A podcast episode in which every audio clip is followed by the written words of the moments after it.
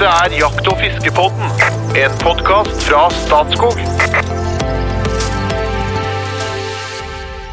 Hjertelig velkommen til en ny episode med Jakt- og fiskebåten. I dag skal vi inn på snikjakt på rådyr, men vi skal også dykke litt i norske lakseelver. Kanskje med et agn som er ulovlig å bruke, det er litt usikker, for, eh, for hør med ekspertene. Navnet mitt er Trond Gunnar Skillingstad, til daglig så er jeg kommunikasjonssjef i Statskog, men i denne sammenhengen så er jeg podkastens ubestridte sjef og musikkoverhode. Med meg i studio så har jeg velvillige eksperter som eh, deler kunnskap og har en fortellerglede i Eliteserien. Hjertelig velkommen til deg, kunstnersjel, bluesgitarist, kokk, forfatter og informasjonssjef i Norges Jeger og Fisk, Espen Farstad. Tusen takk. Føler jeg forberedt?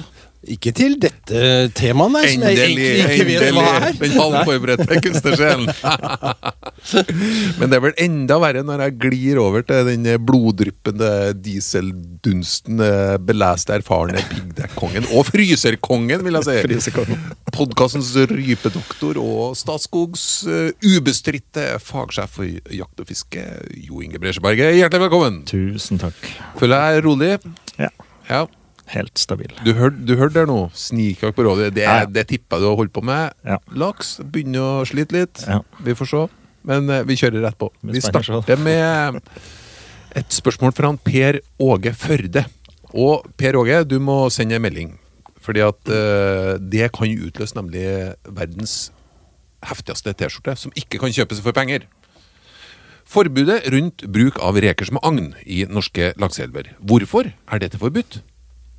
Er dette et forbud som er bestemt i Norge, eller er dette også, også gjeldende i andre skandinaviske land?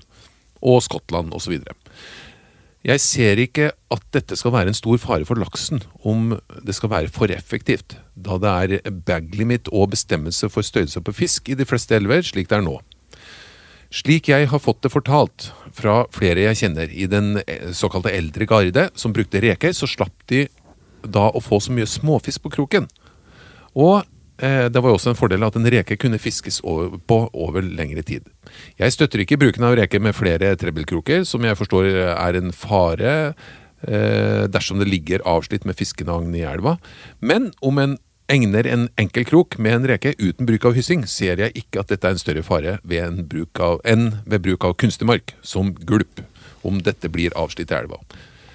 Og så må jeg ta med takk for en super podkast. Jeg har et bitte lite ja, oppfølging til spørsmålet. Det er jo, er, er, hvem er det som bestemmer agn og fiskeredskap? Hva, hva bestemmer grunneieren? Hva er bestemt utafor der? Jeg tror jeg kjører rett over til deg, altså, Mr. Farstad. Ja, på stående fot og skulle kunne det regelverket godt nok er jeg ikke, men, men det, er, det der å fiske med reker ble, Ja. jo, ble jo forbudt. Og det var jo en regulering som ble foretatt en gang på 90-tallet, tror jeg. Ja, slutten av 80 eller 90, kanskje Ja. 90. Ja. Ja, Så ble dette regulert. Og det var jo et, et Det var jo en stor greie før det. Ja, det var det. Eh, og det er faktisk slik at det fiskes med reker et par steder fremdeles. Men da er det spesielt åpna og tillatt for det. Drammenselva, tror jeg, og Numedalslågen. Ok. Tror jeg er to elver. Kjære lytter, du må sjekke sjøl. Ja, ja du, jeg må ta et lite forbehold her, da, for at, uh, det, dette er jo ikke det å skulle kunne dette regelverket til fingerspissene sånn på, på uten videre. Men, uh, men uh, det er riktig at reke var en svær greie tidligere. Det ble forbudt, og argumentasjonen husker jeg jo fra den gangen. Det var jo Eh, først og fremst at man syns at det, her, her var det mye stygg fisking, på en måte. Det var store Det var, var mye flere, kroker. flere trebbelkroker ja, på disse rekene. En trebbelkrok det er med tre kroker nederst. Ikke sant? Som det Ja. var på en og man spinner hadde eller sluk. takla på reker som man hadde preservert på forhånd. Eh, lagt i noe sånn rød Rød lake. lakegreier. Ja, så du lukta jerven av fingra dine flere dager etterpå. Surra med sånn spesialtråd eller sånn gummistrikkvarianter og sånn. Eh, og så fisker man dette og da, med blysøkke, og dette hopper og danser langs bunnen. Og, og var jo effektivt fiske, da. Men det var jo også en del eh, Jeg tror nok det, vi kan si at det var en del rykkfiske knytta til dette. Så det var jo et ganske hardhendt fiske, da, for å si det sånn. Ikke så veldig skålsomt skånsomt. Du røkker til liksom Fisken tar ikke, men du tar fisken, på en måte. måte. okay. Ja. når det står litt fisk i elva, da, og så rett og slett du får med deg en fisk på kjøpet Ja. I en oppgangshindrende høl, da, typisk i en lakseelv, hvor det samler seg mye laks som blir stående på bånn, så hiver du da ut et blysøkke med noen svære kroker bak og ei reke som driver og rykker igjen. Det, dette var jo ikke bra. Altså dette gikk man til livs. Det, og det kom jo i framveksten av det moderne liksom, forvaltningsregimet, hvor vi kanskje setter tilbake en del fisk. Hunnfisken kanskje, eller fisk over mindre enn osv. Så, så det passer liksom dårlig inn i en moderne fiskeforvaltning med bag limit på lakser og tilbakesetting og sånne ting. Da. Så det, det har blitt forbudt. Uh, det ble også argumentert med at når snøret ryker, så kan dette bli stående og fiske av seg selv. Det er nede som en slags spøkelsesfisk, liksom, i elva. Så er jo han inne på at dette kunne vært gjort på en annen måte. Man kunne jo brukt satt begrensninger på antall kroker osv. Og, og jeg må si at jeg er i prinsippet enig med han. Jeg syns at når man skal begrense laksefiskeuttaket i en elv, så gjør man det ved å sette regler om hvor mye man får lov til å ta. Uttaket, Ja. Og så må man selvfølgelig ha fiskemetoder som er så skånsomme at man kan bedrive f.eks. En, en tilbakesetting av fisk som man ikke skal ha. Et retta fiske, som det heter. da. Så ja, det, er, det er godt stilt spørsmål. Det var jo i en periode dette her hvor eh, Altså Man var jo så detaljert i reguleringen av laksefisk på den tiden at man snakket om ulike typer fluesnører som var lov til å bruke. Man fikk ikke lov til å bruke fluesnører som var for sterkt synkende. For da kunne man få den samme liksom flua ned og rykkmuligheten, da, på en måte. Så man ble veldig detaljert i lovverket. Veldig egentlig litt eh, Ja, litt Du pleier jo å si at det er gammeldags når vi er på sånn forvaltning som vi ikke syns noe særlig om. Ja. Ja, men det er jo, Og han har jo et poeng, da. Altså Du kunne gjort det her med en enkeltkrok, som du sier, og uten å snøre den, og uten å fortynge den òg, for den del. Så at, eh, og vi har jo da uttaksbegrensninger på mål uh, over eller under, eller eh, han eller hun. Så, så det kunne jeg gjort i dag. så Slik sett så er det litt gammeldags. Og kanskje er det ingen som nødvendigvis står opp for rekefiske heller, da, sånt, som krever det tilbake heller. Nei. Så at da, da er det kanskje ikke noe fokus, så det er liksom de bare dødd ut. da. Det er litt som rykkpilken. Det er ikke noe som står. Den, den er på en måte utdødd. Ja. Og så er reker kunne det ha gjort mer skånsomt, og slik sett så kunne det være ei greie, da. Og Men, eh, det han også peker på, er jo starten på en utvikling som vi ser, da. At det nå etter hvert så er det snart bare fluefisker igjen i lakseelvene. Mm. For, det er, for det er en skånsom måte å fiske på i forhold til en sånn type retta forvaltning. Mm. Ja, for det er jo et spørsmål jeg med Det er mulig at det skjer forskjell, men wobbler er jo også drepende effektiv. Har ganske mye kroker til dels. Der har det også kommet ganske mange begrensninger da, på Ja. bruk av wobbler. ikke sant? Ja. Og kan være på kroker og Og på sluk og alt Ja. det. Ja. Mm. Ja.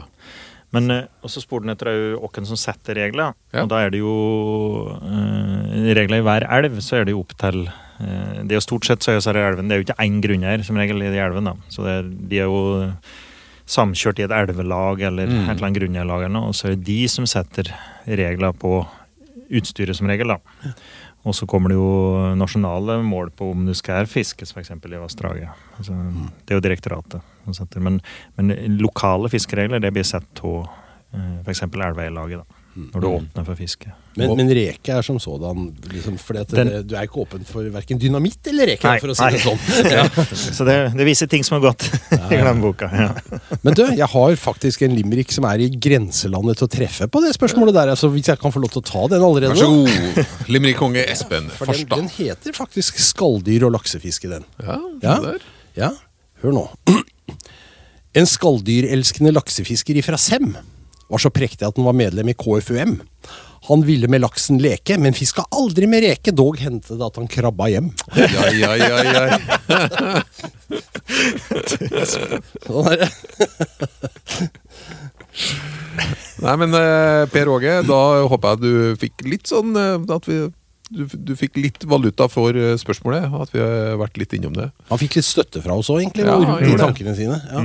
Men han, han bruker kunstig mark som gulp.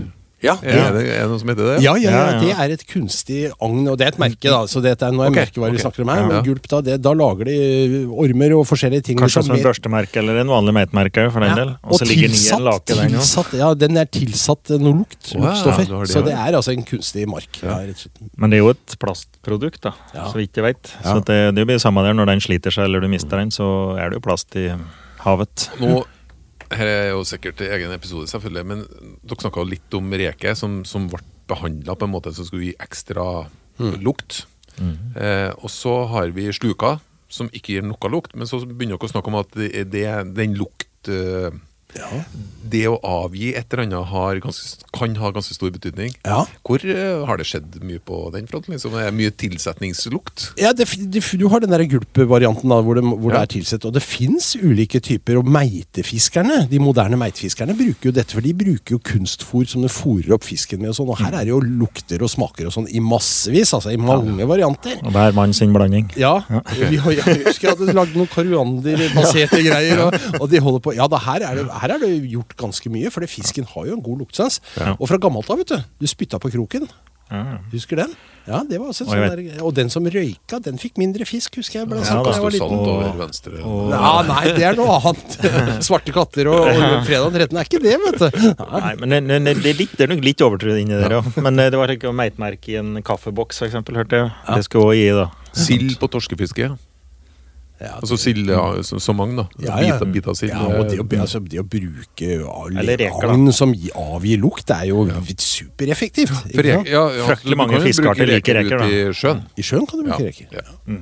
Nei, glem det. Det er, å, det, det er så artig, for det kommer stadig opp nye ting vi er nødt til å snakke om. Ja. Og da ender vi jo sikkert på 1000 episoder, men eh, da har vi funnet ut at vi må ha 1000 til. Jeg lurer på, det, det er, Den der tradisjonen med å fiske reker i elv etter laks, er det for, i Sverige f.eks.? Har de hatt det der? Ikke som jeg veit, da, men eh, Kanskje reist over og sjekka en gang? det Ja, det kunne vi gjort. Skulle tatt en tur til Ja, Sverige? skulle gjort det. Da Har du ikke en søsterorganisasjon? Jo, vi har det. Vi får tenke Vi litt på går det. videre! Ja. Vi har fått et spørsmål fra Tommy Andersen, og nå kan vi holde på lenge. Altså. Men eh, vi, vi prøver bare å gå litt på overflata. Hei! Kunne dere tatt en runde med tips og triks eh, i forhold til snikjakt på rådyr? Hvordan best spore nysnø, f.eks.? Er det viktig med hvit kamuflasje? Og ellers takk for en flott podkast. Sni... Vi først forklare hva det er, og hva det ikke er. Snikjakt på rådyr. Nei, det kan jo være litt forskjellig. da. Altså Når vi går og jakter bukk, øh, går som tysker eller dansker, så ser man en pysjer at du går og sniker. Det er jo snikjakt på rådyr, f.eks. Men da er du spesifikt ute etter bukker. Når han prater om snikjakt på rådyr, så tipper jeg at han tenker at du går og sniker på dem på f.eks. på sperstene. da. Mm. Litt seinere på høsten, egentlig. Ja, Ja. Ja. vil jeg anta. At det, det er det han er ute etter. Trøndersk Trøndelsborsnø. Går det an å bruke hund? Og snikjakt med hund? Ja, da er det jo hund som Ja, det kan du faktisk. Ja, Men, med- eh, med med eh, med bannhund, bannhund, ja. ja. Du kan faktisk det. Eh, Slik som jeg har, jeg har en svart elghund og sniker på elg. Men den kan jeg òg for så vidt bruke på rådyr. Den vil jo markere når det er, er vilter. Så det, det kan funke, det òg. Men når de tenker på snikjakt, så tenker jeg først og fremst på å snike uten hund eller noen andre hjelpemidler. En, en kikkert eventuelt. da. Er det da du bruker 15-17 par ullsokker? Ja, det kan du greit gjøre, da. I hvert fall Men, men du må ikke på snøen, da. Da, må du ikke. da demper det som regel lyden nok til at eh, du kan gå og snike etter. Ja. Utrolig spennende jakt.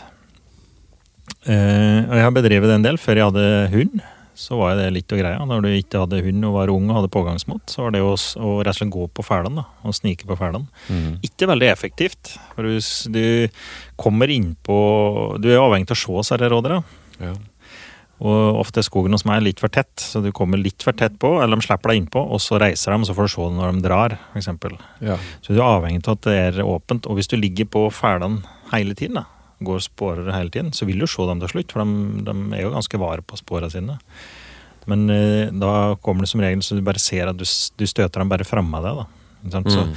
Poenget er å kunne snike, og så komme litt vekk fra sporet, og kunne komme og se dem.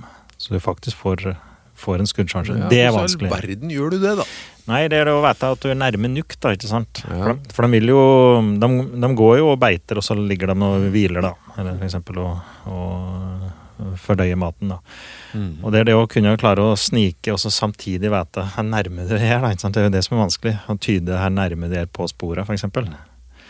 Og, og stort sett så blir det til at du går slavisk på sporet, og så har du dem bare framme deg, da. Og da da driver du på en stand før du blir god, i hvert fall. Det er helt sikkert. Jeg har, jeg, jeg har aldri prøvd dette her på ordentlig. Jeg har jo fulgt er gærartig. liksom. Men, men, og, ja, og det har jeg ikke noe problem med å skjønne, men, men liksom å gjøre dette Jeg har aldri gjort dette helhjerta, liksom. Men jeg har tenkt tanken.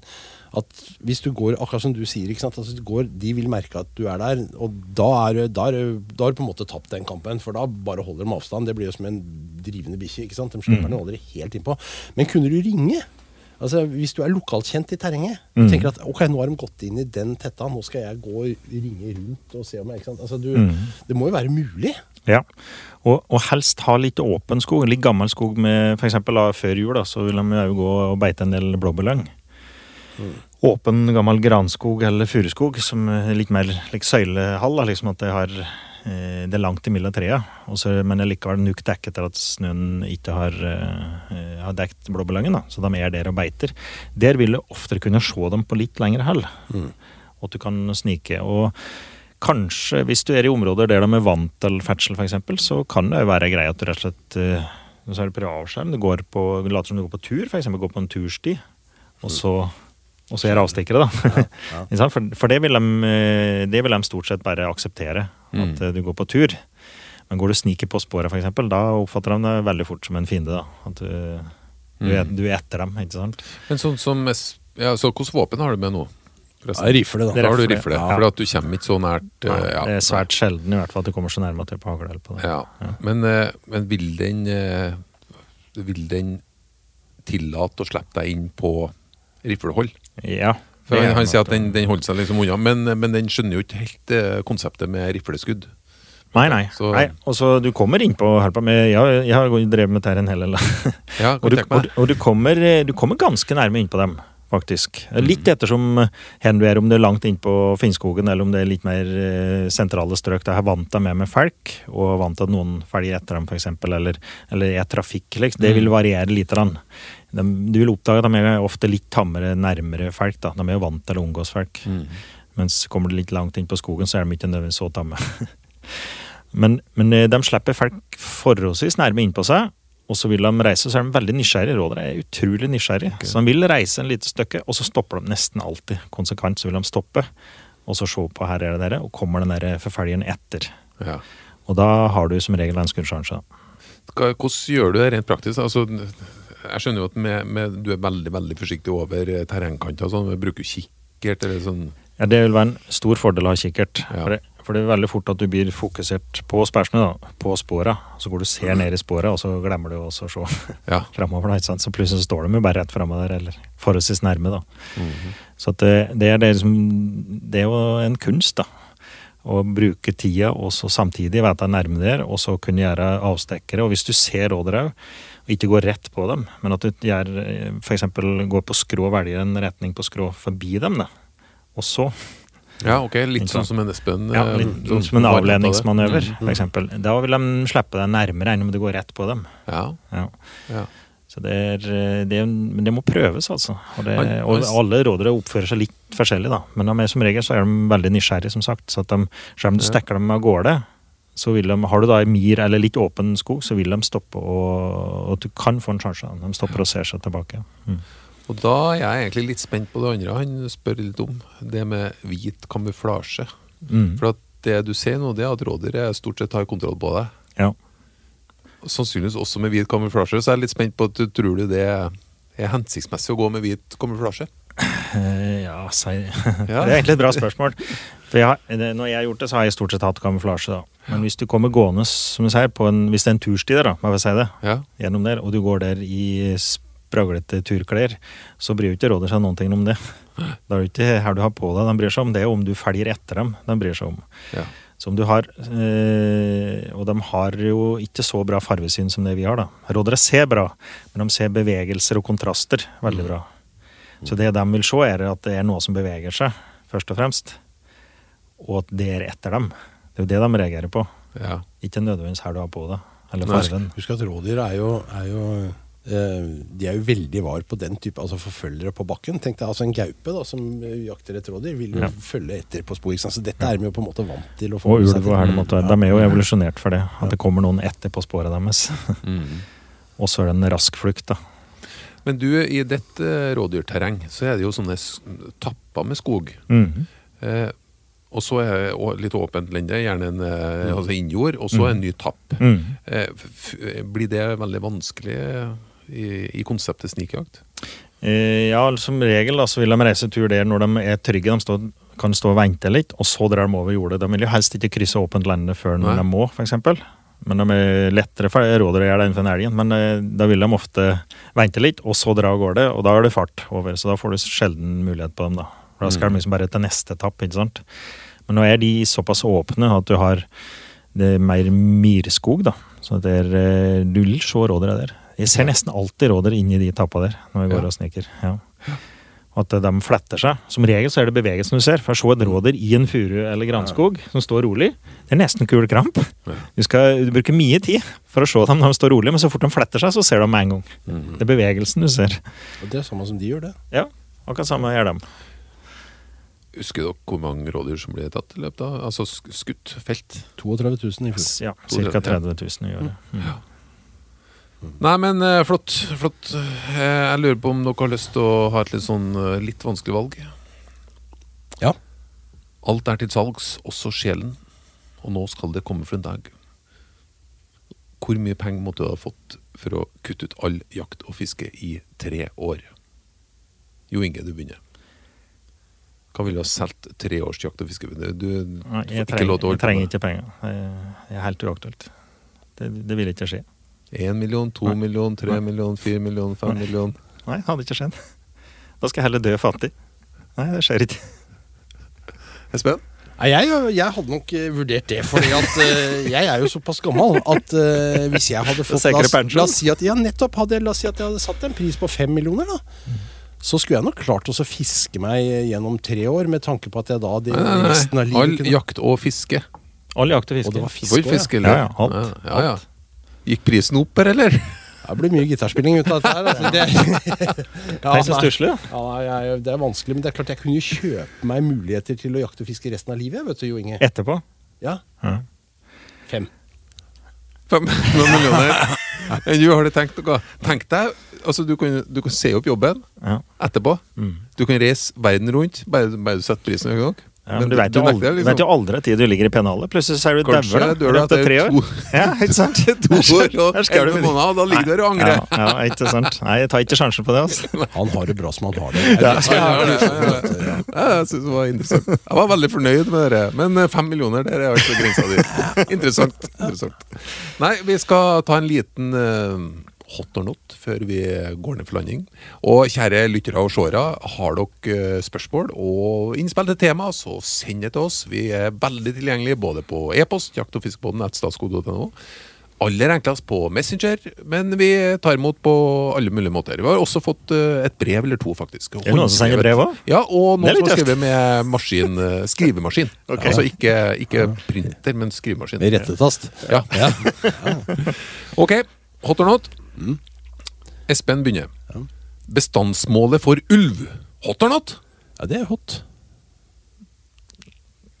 Ja, hot. Måseggplukking. Hot or not? Jeg tror det er hot. Ja, det er hot. Pytt i panne. Hot or not? Er not. Ja, det er not. Ja. Eller sånn stekt laks, lapskaus. Ja. Eh, kokebøker. Hot or not? Ja, det er hot. Jeg syns det er hot. hot ja. Fra DD-albumet Energi, låta 'Jeg var aldri der'. Hot? Et rungende hot i studio! Takk for følget, og velkommen tilbake neste uke.